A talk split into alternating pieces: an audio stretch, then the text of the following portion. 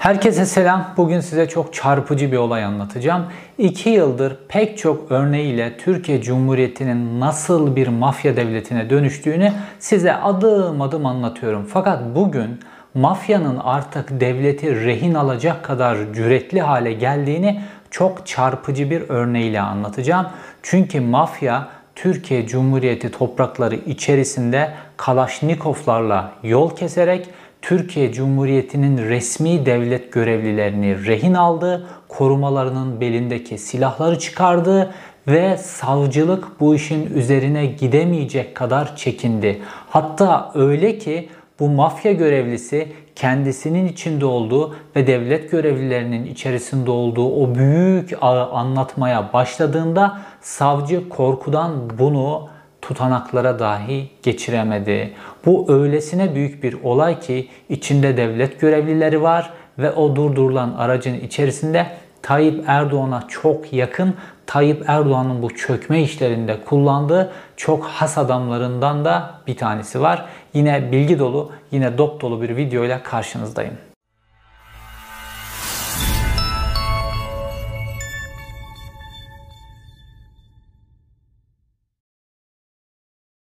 20 Haziran 2022 yani çok yakın bir tarihte Gaziantep'in en büyük mafya babası Yılmaz Öztürkmen yanına adamlarını Kalaşnikov tüfekleriyle birlikte alıyor ve Gaziantep'te herkese açık asfalt bir yolun üzerine pusu kuruyor. Gaziantep'in Oğuzeli ilçesinin Güveçli köyünün girişine pusu kuruyor. O sırada Tayyip Erdoğan'ın en has adamlarından bir tanesi, Tayyip Erdoğan'ın bu çökme işlerindeki sorumlularından bir tanesi avukatı Mustafa Doğan İnal da Gaziantep Havalimanı'na inişe geçiyor. Mustafa Doğan İnal hem Antepli o gün Antep'e gelmesinin sebebi de halasının vefat etmesi, halası Fatma Güzel'in vefat etmesi nedeniyle Gaziantep'e geliyor. Tabi Tayyip Erdoğan için çok önemli bir adam. Bu avukatın neden önemli olduğunu birazdan anlatacağım. Ta El-Kaide'ye kadar, Rıza Zarrab'a kadar uzanan çok enteresan ilişkileri var bu avukatın Mustafa Doğan İnal'ın. Fakat Tayyip Erdoğan açısından çökme işlerinde kullandığı bir aparat. Çünkü mafya nasıl çökme işlerinde, tahsilat işlerinde avukatlar aracı olarak kullanırsa Tayyip Erdoğan da kullanıyor. Çünkü bu avukatlar hukuki delil vesaire bırakmama konusunda bilgili oldukları için bunların hepsi bu mafyatik yapılanmaların hepsi normal sokak mafyasından artık Tayyip Erdoğan'a kadar avukatları bu işlerin içerisinde kullanıyor. Tabi Mustafa Doğan İnal'ın Tayyip Erdoğan için bu kadar önemli olduğunu Gaziantep'in bütün e, önemli isimleri biliyorlar. Çünkü kendileri de Mustafa Doğan İnal'la bazı çökme işlerinin içerisindeler. Bunların detaylarını birazdan vereceğiz. Ve başta Gaziantep valisi olmak üzere Gaziantep'in önemli birkaç ismi havalimanına gidip Mustafa Doğan İnal'ı karşılıyorlar. Normalde vali böyle bir bakan, başbakan, cumhurbaşkanı falan gelince gidip onu karşılar ama Mustafa Doğan İnal'ı, Tayyip Erdoğan'ın avukatını gidip karşılıyorlar. Tayyip Erdoğan çoluğunu çocuğunu da biliyorsunuz bu şekilde karşılıyorlar valiler özel törenlerle. Ve e, Mustafa Doğan İnal'ı karşılayan isimler çok önemli. Çünkü bu isimler birazdan mafya tarafından baskına uğrayacak isimler. Bunlar kim? Gaziantep valisi Davut Gül. Gaziantep Organize Sanayi Bölgesi Başkanı ki Gaziantep sanayisi bir devdir. Türkiye'nin en büyük sanayilerinden bir tanesidir.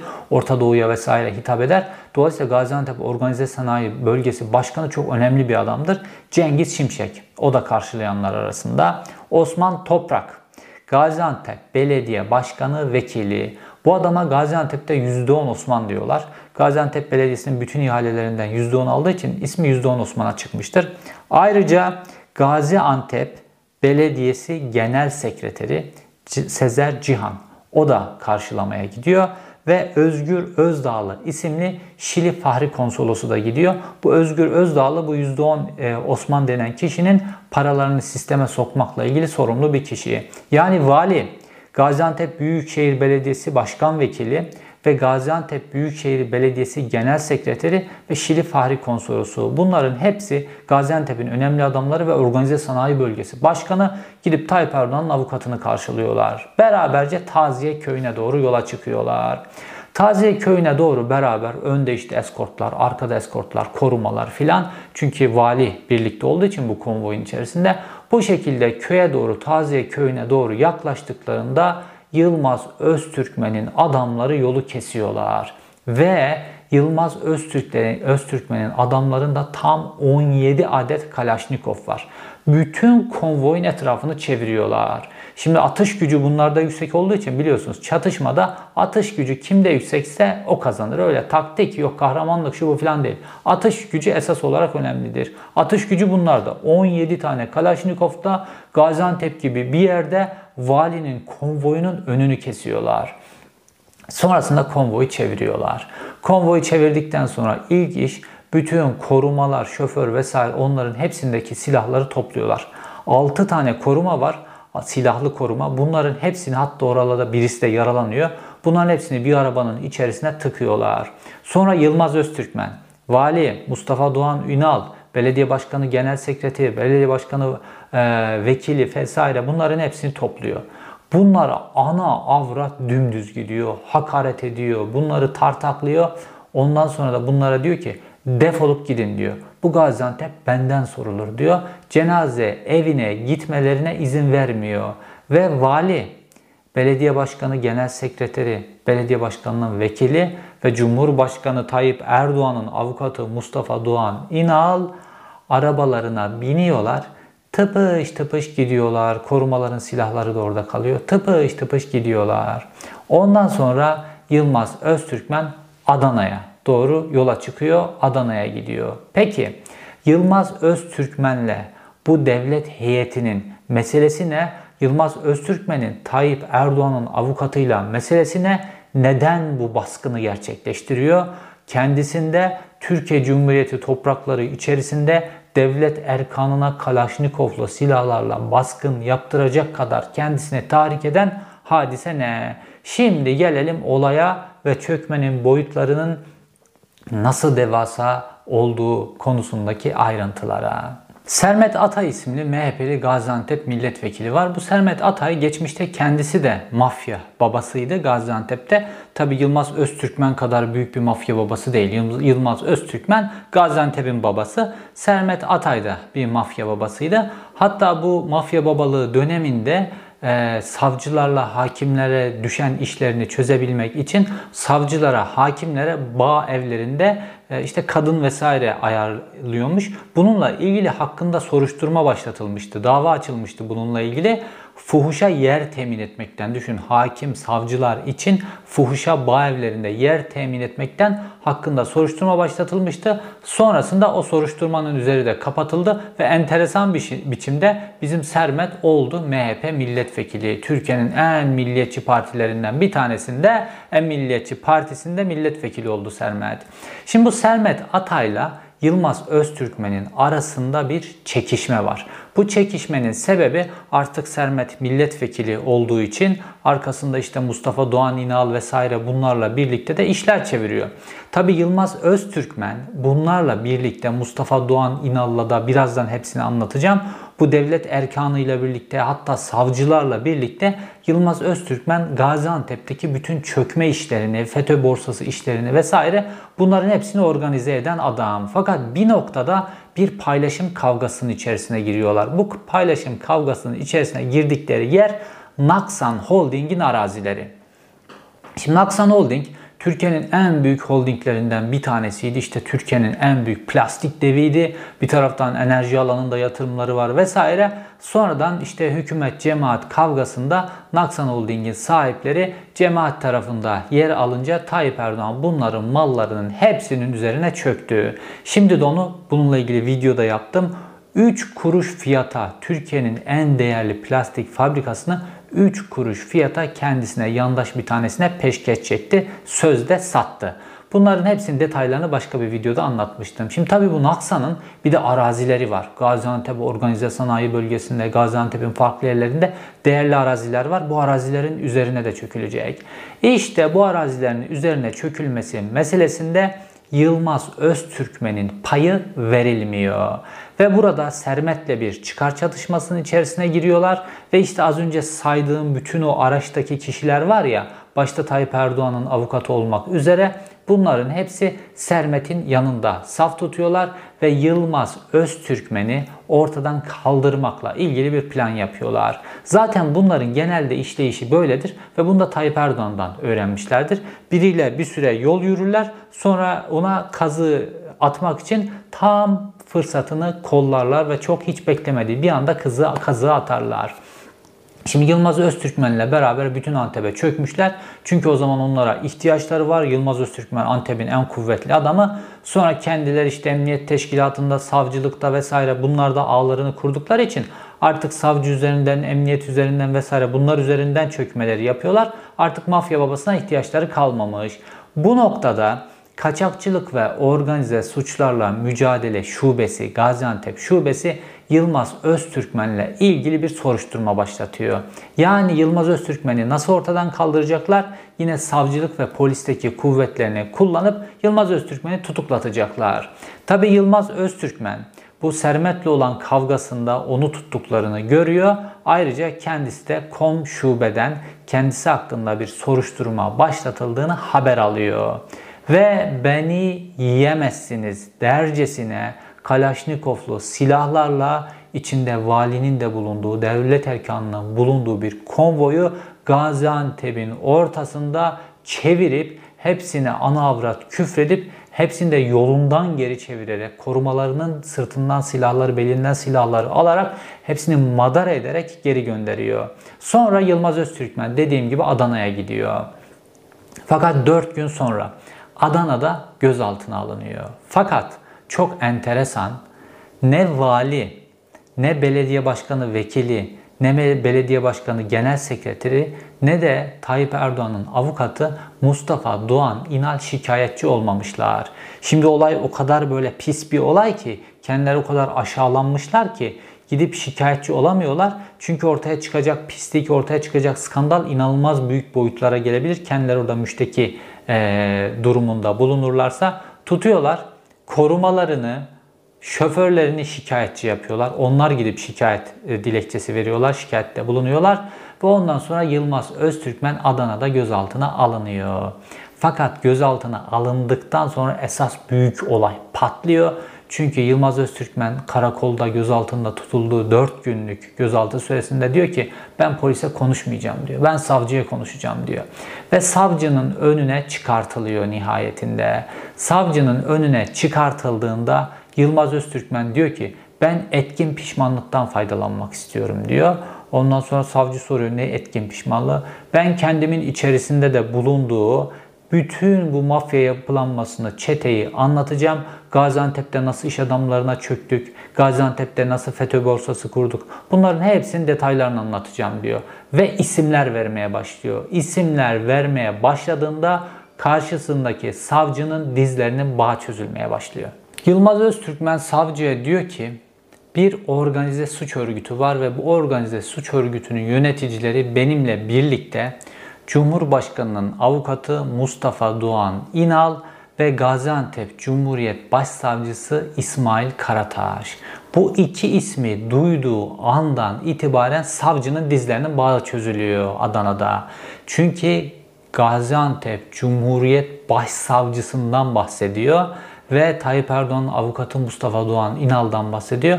Bunlar benimle birlikte örgütün yöneticileri ve başka isimler saymaya başlıyor. Savcı diyor ki bir dakika bir dakika diyor. Bunlar konumuz değil diyor.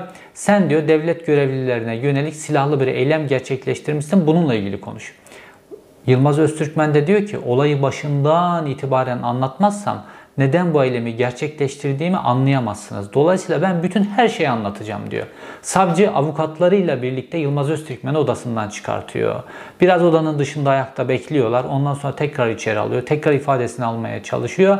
Yine aynı şekilde aynı isimleri vermeye başlıyor. Bir daha tam 3 sefer böyle savcı bunları odasından atıyor ve nihayetinde tutanağa isimleri geçirmiyor. İfade tutanağına bu isimleri geçirmeden Yılmaz Öztürkmen ve adamlarını tutuklama talebiyle sulh ceza mahkemesine gönderiyor.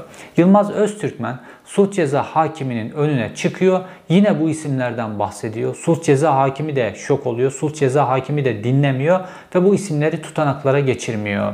Tutanaklara, ifade tutanaklarına isimler geçmediği andan itibaren Yılmaz Öztürkmen ve avukatlarının yapacağı tek şey var. Kendilerinin bizim ifademiz tutanağa geçirilmedi şeklinde tutanak tutmaları gerekiyor. Ve Yılmaz Öztürkmen'le avukatları oradaki iki tane avukatı bir tutanak tutuyorlar. Ve tutanakta diyorlar ki müvekkilimiz samimi bir biçimde itiraflarda bulunmak istedi. Fakat verdiği isimler kendisine bu kumpası kuran isimler, bu işte suç örgütünün içerisinde olan isimler tutanaklara geçirilmedi. Peki bu isimler kim? Tabii ki bir numarada Cumhurbaşkanı'nın avukatı Mustafa Doğan İnal var. İki numarada Gaziantep Cumhuriyet Başsavcısı İsmail Karataş var. Sonra Özgür Dağlı, Emrah Özgür Özdağlı, Emrah Özdağlı, Cengiz Şimşek, Mehmet Ali Şimşek, Osman Toprak, Tuncay Yıldırım ve MHP milletvekili Sermet Atay olmak üzere bütün bu isimleri sizin de ekranda gördüğünüz tutanağın içerisine geçiriyorlar ve Yılmaz Öztürkmen'le avukatları imzalıyorlar. Artık bu tutanak da kendi başına bir delil. Ondan sonra sulh ceza hakimi zaten bunu dinlemeden vesaire önceden zaten karar verilmiş. Yılmaz Öztürkmen'le 9 tane adamını tutuklayıp cezaevine atıyor. Fakat hemen ardından Yılmaz Öztürkmen'in avukatı bir açıklama yaptı. Bu avukatı işte Tayyip Erdoğan'ın avukatı Mustafa Doğan İnalı da hoplatan bir açıklamaydı. Yılmaz Öztürkmen'in avukatı Hasan Öztürkmen aynı zamanda da akrabası bu açıklamasında şöyle diyor. Diyor ki Yılmaz Öztürkmen müvekkilim bütün bu süre boyunca başta Mustafa Doğan İnal olmak üzere diğer isimlerle birlikte çevirdiği bütün dolapların kayıtlarını tutmuş. Bunlar 5-6 yıldır süren işler ve FETÖ borsasında kime nasıl çökülmüş, hangi iş adamına nasıl çökülmüş, hangi mekanizmalarla bu yapılmış vesaire bunların hepsinin kaydını tutmuş. Bazılarının videolu, kay videolu kayıtları var ve bu arşiv güvenli bir yerde duruyor. Bu şekilde bir açıklama yapıyor Yılmaz Öztürkmen'in avukatı aynı zamanda da akrabası. Ve enteresan biçimde bu Yılmaz Öztürkmen aynı zamanda da Cumhurbaşkanı'nın avukatı Mustafa Doğan İnal'ın da akrabası durumunda. Hatta kendisinin böyle Gaziantep'te palazlanmasının sebeplerinden bir tanesi de bu akrabalık. Fakat artık yağma, para öyle boyutlara geliyor ki birbirlerine düşüyorlar bir noktadan sonra. Peki bu yağma mekanizması nasıl işliyor? Gaziantep'te nasıl bir yağma mekanizması kurmuşlar? Gerçekten inanılmaz sofistike bir yağma mekanizması kurmuşlar ve bu yağma mekanizmasında devletin kurumlarını, ticari sırları öylesine kullanmışlar ki Gaziantep gibi Türkiye'nin en önemli sanayi bölgelerinden bir tanesi ve tamamen Orta Doğu'ya doğru da ihracat yapan, Türkiye için de çok önemli ürünler üreten bu sanayi bölgesinin, bu sanayi şehrinin üzerine adeta kara bulut gibi çökmüşler. Bu sofistike yöntemleriyle tabii ki başrollerde Tayyip Erdoğan'ın avukatı Mustafa Doğan İnal var. Şimdi gelelim bu yağma mekanizmalarının ayrıntılarına. Bunların kullandıkları birinci yöntem devletin sadece devletin elinde bulunan çok gizli ticari sır bilgilerini elde etmek. Şimdi Mustafa Doğan İnal arkasında Tayyip Erdoğan olduğu için dokunulmaz bir adam. Devletin istediği yerinden istediği şekildeki ticari sır bilgilerini elde edebiliyor. Şimdi bunlar gerek böyle bankacılık düzenleme ve denetleme kurumundan gerekse kamu bankalarının kendilerinden hangi şirketin ne kadar kredi borcu var bununla ilgili listeleri istiyorlar. Önce Gaziantep'te gözlerine kestirdikleri bütün büyük oyuncuların listelerini çıkartıyorlar. Sonra da bu firmalardan hangisinin hangi bankaya ne kadar süreli, ne kadar büyüklükte kredi borcu var. Şimdi belli büyüklüğe ulaşınca firmalar bunlar kredi kullanırlar, bankaya para yatırırlar vesaire. Bu bankalarla olan ilişkileri gayet normal. Yatırım yaparlar bazen Bazen yurt dışında bazı planlar olur vesaire. Dolayısıyla bütün bankalarla, bütün böyle büyük dev şirketlerin, holdinglerin bankalarla işleri vardır. Şimdi bunlar özellikle kamu bankalarından kredi kullanmış şirketlerin üzerine çöküyorlar Ve bunun içerisinde de tabii ki bankalar Mustafa Doğan İnal işin içerisinde olunca bu bankaların yöneticileri de emir demir vaziyetinde çalışıyorlar. Şimdi hedefe koyuyorlar. Mesela A şirketini. Bu A şirketi diyelim Vakıf Bank'tan, Halk Bank'tan vesaire kredi kullanmış. Gidiyor diyor ki Mustafa Doğan İnal bu bankaya kredini geri çağır diyor. Bu ne demek? Bir şirket, bir holding bir bankadan kredi almış. Mesela 10 yıl vadeli ki bazen 15 yıl vadeli de oluyor. 5 yıl vadeli, 10 yıl vadeli neyse. Ve taksit taksit ödüyor. Bu vadeyi de tabii ki bir yatırım yapmış bununla ilgili. O yatırımın bir geri dönüş zamanı var vesaire. Bu şekilde taksitlerini ödüyor. Fakat bankaların çeşitli ticari durumlar, ülkenin içerisinden geçtiği ekonomik çalkantılar vesaire nedeniyle esas olan bankaların batmaması olduğu için finans sisteminde bankaların çeşitli değerlendirmelerle bazen de o şirketin genel durumu ile ilgili değerlendirmeler nedeniyle sözleşmelerden kaynaklanan kredinin tamamını aniden geri çevirme hak geri çekme geri çağırma hakları var. İşte bankaya bu hakkını kullandırtıyorlar. Adam diyor ki ya diyor şu holdingin sahibi ben taksitlerimi zamanında ödüyorum. Niye krediyi çağırıyorsunuz? Krediyi çağırıyor. Bu hakkını kullanıyor. Şimdi bir anda ödemeler dengesi alt üst ölüyor. Adam bununla ilgili yatırım yapmış, bununla ilgili borçlanmış, o yatırımın bir dönüş zamanı var vesaire. Türbülansın içerisine giriyorlar bir anda bankalar ve Mustafa Doğan İnallar işte bu noktada faaliyete geçiyorlar. Ya koca holding, koca şirket batacak ya da Mustafa Doğan İnal'ın kendilerine sunduğu yöntemi kabul etmek zorunda kalacaklar. Mustafa Doğan İnal diyor ki ben diyor sizin bankayla olan işinizi çözerim. Bu krediyi geri çarptırmam ama %20'sini bana ödeyeceksiniz diyor. Şirketin içinde bulunduğu durumu zorluğuna göre bazen holdingin şirketin tamamından hisse istiyorlar. Bazen de koca şirketleri başkalarına satışa zorluyorlar. Bu şekilde çökme yöntemleri kullanıyorlar. Ve bu şekilde yöntemi kullandıkları bütün şirketler, holdingler bunların şartlarını kabul etmek zorunda kalıyorlar. Yoksa iflasa sürüklenecekler. Zaten Türkiye'de işler rayında gitmiyor. Ekonomi, döviz vesaire nedeniyle zaten şirketlerin hepsi çalkantı içerisinde böyle bir kredi geri çağırmayı ödeyecek durumda değiller. Bu yöntemlerinden bir tanesi. İkinci yöntemleri. Gaziantep'te yine bankalardan kredi alması gereken şirketler, holdingler var. Gerek bazı yatırımlar yapmaları nedeniyle gerekse de şirketin içinde bulunduğu durum nedeniyle vesaire kredi kullanması gerekiyor. Bu şirketler gidip bankalara başvurduklarında bu bilgiler hemen Mustafa Doğan İnal'a geliyor ve bankalar kredi vermiyorlar. Sonra Mustafa Doğan İnal gidiyor. Diyor ki bak zor durumdasınız. Ben sizin işinizi, bu bankadaki işinizi çözerim. İşte Halkbank'tan, Ziraat Bankası'ndan, Vakıf Bank'tan size şöyle uygun faizde krediyi de çıkartırım ama aldığınız kredinin %20'sini nakit olarak bana vereceksiniz diyor. Yani hem kamunun iki türlü zararı var. Birincisi düşük faizle kamu bankalarından kredi verdirtiyor bu şirketlere. İkincisi de o verilen kredinin %20'sine el koyduğu için normalde o şirket onu üretime çevirecek, istihdama çevirecekken %20'sini bunlara veriyor. Dolayısıyla aslında şirket inanılmaz yüksek bir faizle borçlanmış oluyor. Fakat bazı şirketler zor durumda ya da bazı şirketler çok iyi bir e, yatırım fırsatı yakalamışlar.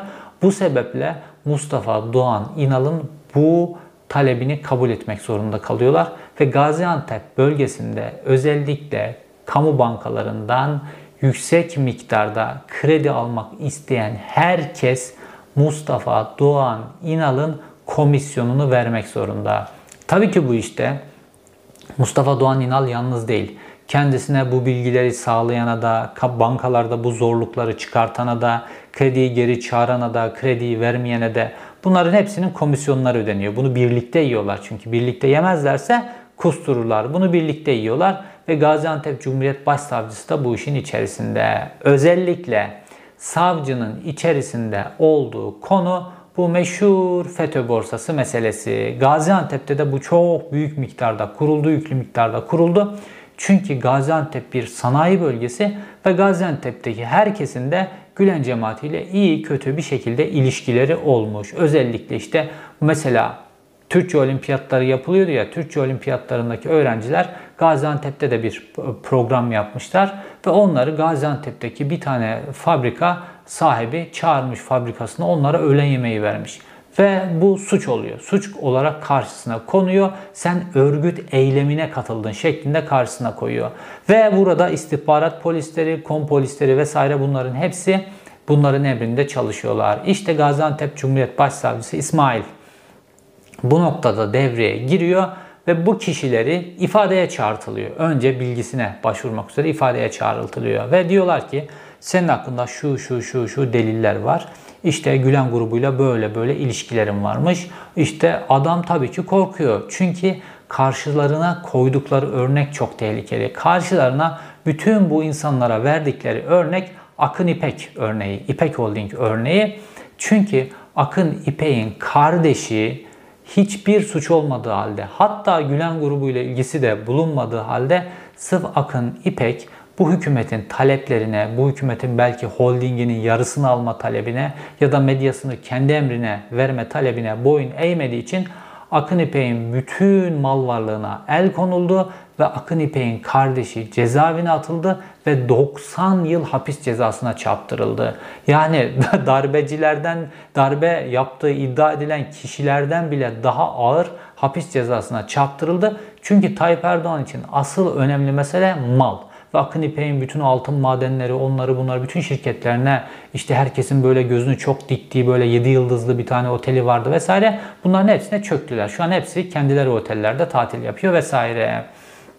Bu Akın İpek örneğini, Boyda Holding örneğini önlerine koyuyorlar ve iş adamları da korkuyorlar dolayısıyla ve bu iş adamlarından 50 milyon dolar, 200 milyon dolar, 250 milyon dolar böyle büyük miktarlarda. Çünkü bunlar çok büyük iş adamı. Bunların hepsinin mallarına çöküldü. Mesela bunlardan birkaç tanesini söyleyeyim size. Eyüp Lojistik, Köksan Holding, Premier Hastanesi, Işık Ahşap, Naksan gibi yerler. Bu adamın hastanesine çöktüler. Koca hastaneyi kendi üzerlerine geçirdiler. Bu derece pervasızlar. İşte bu işin içerisinde Gaziantep Cumhuriyet Başsavcısı da var. Bu işin içerisinde Mustafa Doğan İnal da var. Diğer devlet erkanı da var. Ve bu kişileri korkutmak, gözdağı vermek, üzerlerine gitmekle ilgili vesaire işte bu meşhur Gaziantep'in mafya babası da bu işin içerisinde. Hep beraber çöküyorlar, hep beraber bu işleri yapıyorlar. Fakat bu mafya babası bütün bu yaptıkları işleri kayıt altına almış. Nasıl Sedat Peker pek çok şeyi kayıt altına almışsa bu mafya babası Öztürkmen de bu işleri kayıt altına alıyor bir tarafta tutuyor. Çünkü günü geldiğinde bunların kendisini sırtından hançerleyeceğini biliyor. Herkes kendisine göre kaydı tutuyor. Ve bu işte başta FETÖ borsası olmak üzere bu kredi işlerinde iş adamlarının gözlerinin korkutulmasında, sanayi bölgesinde, Gaziantep organize sanayide çalışılamaz hale getirilmelerinde, kapılarına her gün her gün mafya gönderilmesinde, tahsilatçılık için mafya kullanılmasında vesaire bu şekilde Gaziantep'in üzerinde terör estiriyorlar. Gaziantep'in üzerinde terör estirenlerinde yani bu organize suç örgütünün de bir numarası Mustafa Doğan İnal. Fakat olaylar öyle bir noktaya geliyor ki Mustafa Doğan İnal'ın aracının önü koruma polislerinin de olduğu bir konvoyda Kalaşnikovlu kişiler tarafından kesiliyor ve çemberin içerisine alınıyor. Bu Öztürkmeni, bu Gaziantep'in mafya babasını, Gaziantep'in babası denen kişiyi şimdilik cezaevinde tutuyorlar. Fakat devran döner, bu işler döner. Olayları olduğu gibi anlatır. Etkin pişmanlıktan yararlanır ve çıkarsa bir gün işte Mustafa Doğan İnalların ve diğerlerinin bittiği gündür. Ondan sonra devranın döndüğünde bunları pek de koruyacak, kendi istedikleri doğrultuda tutuklama kararları çıkartacak vesaire hakimler, savcılar da bulamayabilirler. Peki bu Mustafa Doğan İnal kim? Bu çok enteresan bir adam. Bu adamın bağlantılarını bilmek Tayyip Erdoğan'ın bağlantılarını bilmek açısından da son derece kritik. Mustafa Doğan İnal'ın böyle Tayyip Erdoğan'ın çökme işlerinde, rüşvet işlerinde bir aracı olduğunu birçok somut bir örnekten biliyoruz. Çünkü bu somut örnek mahkeme tutanaklarına girdi. Hem de Amerika Birleşik Devletleri'nin mahkeme tutanaklarına girdi. Nasıl? Reza Zarrab olayıyla meşhur hayırsever iş adamı A Haber'in arkasına Türk bayrağı koyarak böyle kahraman ilan ettiği hayırsever iş adamı Reza Zarrab. Reza Zarrab Amerika Birleşik Devletleri'ne gidip tutuklanıp itirafçı olup her şeyi anlattığında cezaevinden nasıl tahliye olduğuna ilişkin de bazı bilgiler verdi. Orada dedi ki Mustafa Doğan İnal geldi. Bu çok önemli bir avukat ve siyasilerle çok bağları olan bir avukat ve ben bu avukata çok yüklü miktarda para verdim. Paranın zoruyla ben tahliye oldum dedi.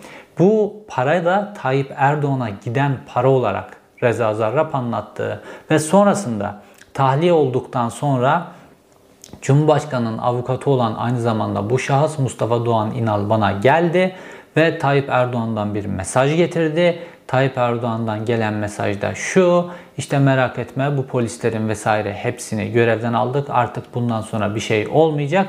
Halk Bankası'nda İran'ın parasını transfer etmeyle ilgili yaptığın şeyi yapmaya devam et. Rıza Zarrab da diyor ki mahkemede ben tahliye olduktan sonra bu işlere yine devam ettim. Halk Bankası'nı bu transfer işlemlerinde yine kullandım. Çünkü Mustafa Doğan İnal bana Tayyip Erdoğan'dan bu mesajı getirdi. Zaten ben de Tayyip Erdoğan'ın payını Mustafa Doğan İnal üzerinden gönderiyordum. Yani Mustafa Doğan İnal denen avukatın Tayyip Erdoğan'ın rüşvet tahsilatçısı olduğu Amerika Birleşik Devletleri'ndeki mahkeme tutanaklarına geçmiş durumda. Peki bu Mustafa Doğan Ünal sadece İnal sadece Rıza Zarrab hayırsever Reza'nın mı avukatı? Yok. Aynı zamanda da El-Kaidecilerin avukatı. Çok enteresan bir adam. Bu El-Kaideci kim? Yasin El-Kadı. Bir zamanlar Amerika Birleşik Devletleri'nin listesinde El-Kaide'nin finansörü olmak nedeniyle arananlar listesindeydi. Mal varlığına da bloke konmuştu. Biz bu Yasin El Kadı'yı nereden biliyoruz?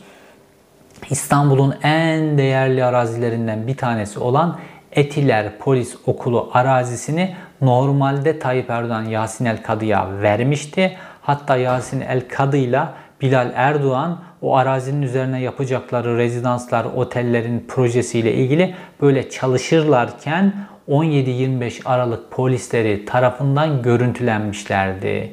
Delilleriyle her şey ortaya konmuştu. Arazi daha ihaleye bile çıkmadan onlara peşkeş çekilmiş. Üzerine yapacakları binayı bile İtalyan bir mimara çizdirmişlerdi. Bunların hepsini polis orada dinlemişti. Fakat 17-25 Aralık polisleri nerede şimdi? Mali şube polisleri başta olmak üzere hepsi 8 yıldır cezaevinde tutuluyorlar ve ne muhalefet, ne başka kişi, ne temiz toplumu savunanlar vesaire. Ya bu polisler 8 yıldır cezaevindeler ve 17-25'teki her şey doğru diyor. Bunu Devlet Bahçeli de demişti. Kemal Kılıçdaroğlu da her şey doğru diyor. Meral Akşener de bunu diyor. Herkes diyor. Zaten 50 bin tane delil ortaya çıktı. Ya her şey doğruysa bu polisler niye 8 yıldır cezaevinde? Kimse bunu sormuyor. Kimsenin de gidip o polisleri ziyaret ettiği yok. Devletin dürüst polisleri görevlerini yaptılar Bundan nedeniyle içeride tutuluyorlar, içeride çürütüyorlar.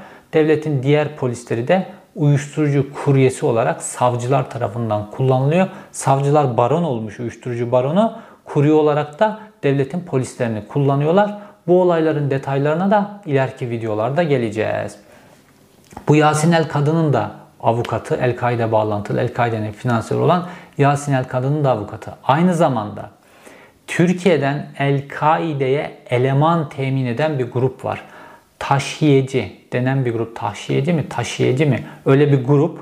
Bu grubun lideri de aynı zamanda tutuklanmıştı El-Kaide'ye e, eleman temin etmekten.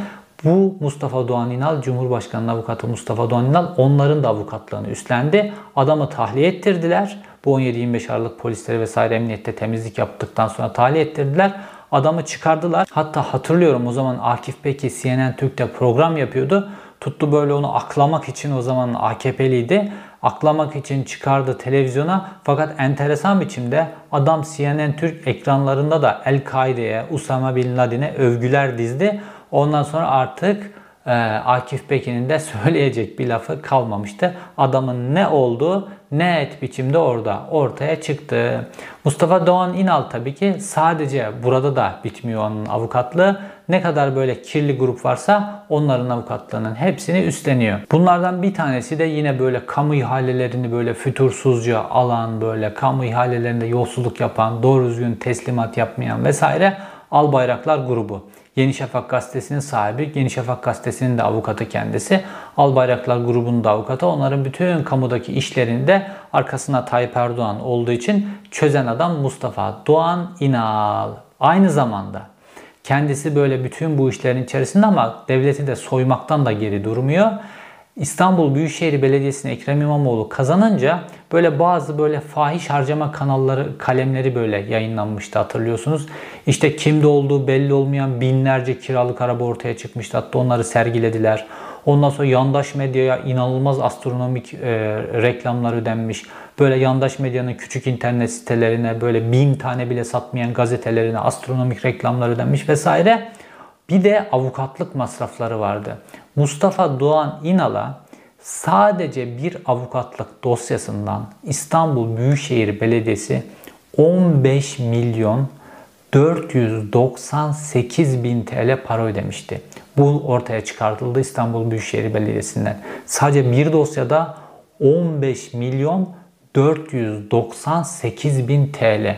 Küsuratı bile devasa bir rakam olan bir para. Bunlar Mustafa Doğan İnal'a ödenmişti.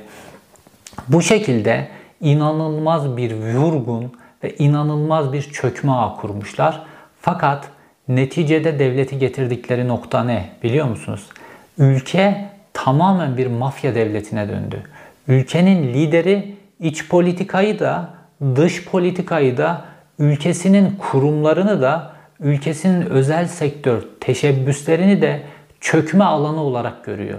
Tayyip Erdoğan'ın bütün davranışları tamamen böyle mafyatik çökme davranışları ve bu şekilde hareket ediyor. Etrafında bulundukları, bulundurduğu adamlar da onun bu çökme işlerindeki tahsilatçıları. Böyle Gaziantep çapında böyle 10 milyonlarca böyle dolarlık böyle çökmelerden vesaire Tayyip Erdoğan'ın böyle payı olmadan bu işler olacak işler değil. Bunlar böyle küçük böyle emlak işleri filan, küçük arazi işleri filan değil. İnanılmaz büyük çökmelerden bahsediyoruz. Ve nihayetinde öyle bir hale getirdiler ki devleti. Türkiye'de mafya böyle farklı zamanlarda da böyle çok böyle güçlü olmuştur. 90'larda onlarda bunlarda ama hiçbir zaman mafya Kalashnikov tüfeklerle devletin valisinin içerisinde bulunduğu, devlet erkanının içerisinde bulunduğu araçları konvoyu böyle çevirip korumaların silahlarını bellerinden alıp tartaklayıp devletin valisine, Cumhurbaşkanının avukatına, devletin e, Büyükşehir Belediyesi vekiline, genel sekreterine ana avrat dümdüz gidip sonra onları buradan geçemezsiniz deyip tersine göndermemiştir. Bu kadar rezil duruma düşürdüler devleti. Hatta o kadar rezil ki ondan sonra Cumhurbaşkanı'nın avukatıyla vali taziye yerine gidebilmek için akşamı bekliyorlar. Jandarmaya, polise, bütün kavşak noktalarında güvenlik önlemi alıyorlar. Gaziantep gibi bir yerde bir mafya grubundan korka korka taziye evine gitmek durumunda kalıyorlar. İşte devleti mafyanın elinde rehin hale getirdiler ve o mafya babasından o kadar korkar hale geldiler ki devletin cumhuriyet savcıları o mafya babasını vereceği ifadeyi tutanağa geçirmekten korkuyor. Devletin savcılarını da bu hale getirdiler. Sistemi her tarafından iflas ettirdiler. Fakat sistemin bu hale gelmesinde o ifadeyi almayan savcı da suçlu. Bu işlemleri yapmayan hakim de suçlu. Tutanağa geçirmeyen hakim de suçlu. Oradaki polis de suçlu. Devlet görevlileri de suçlu. Böyle sadece suçun tamamını Tayyip Erdoğan'ın üzerine atarak kimse kurtulamaz. Herkes bulunduğu noktada görevini yapmak zorunda. Sonucu ne olursa olsun. İzlediğiniz için teşekkür ederim. Bir sonraki videoda görüşmek üzere.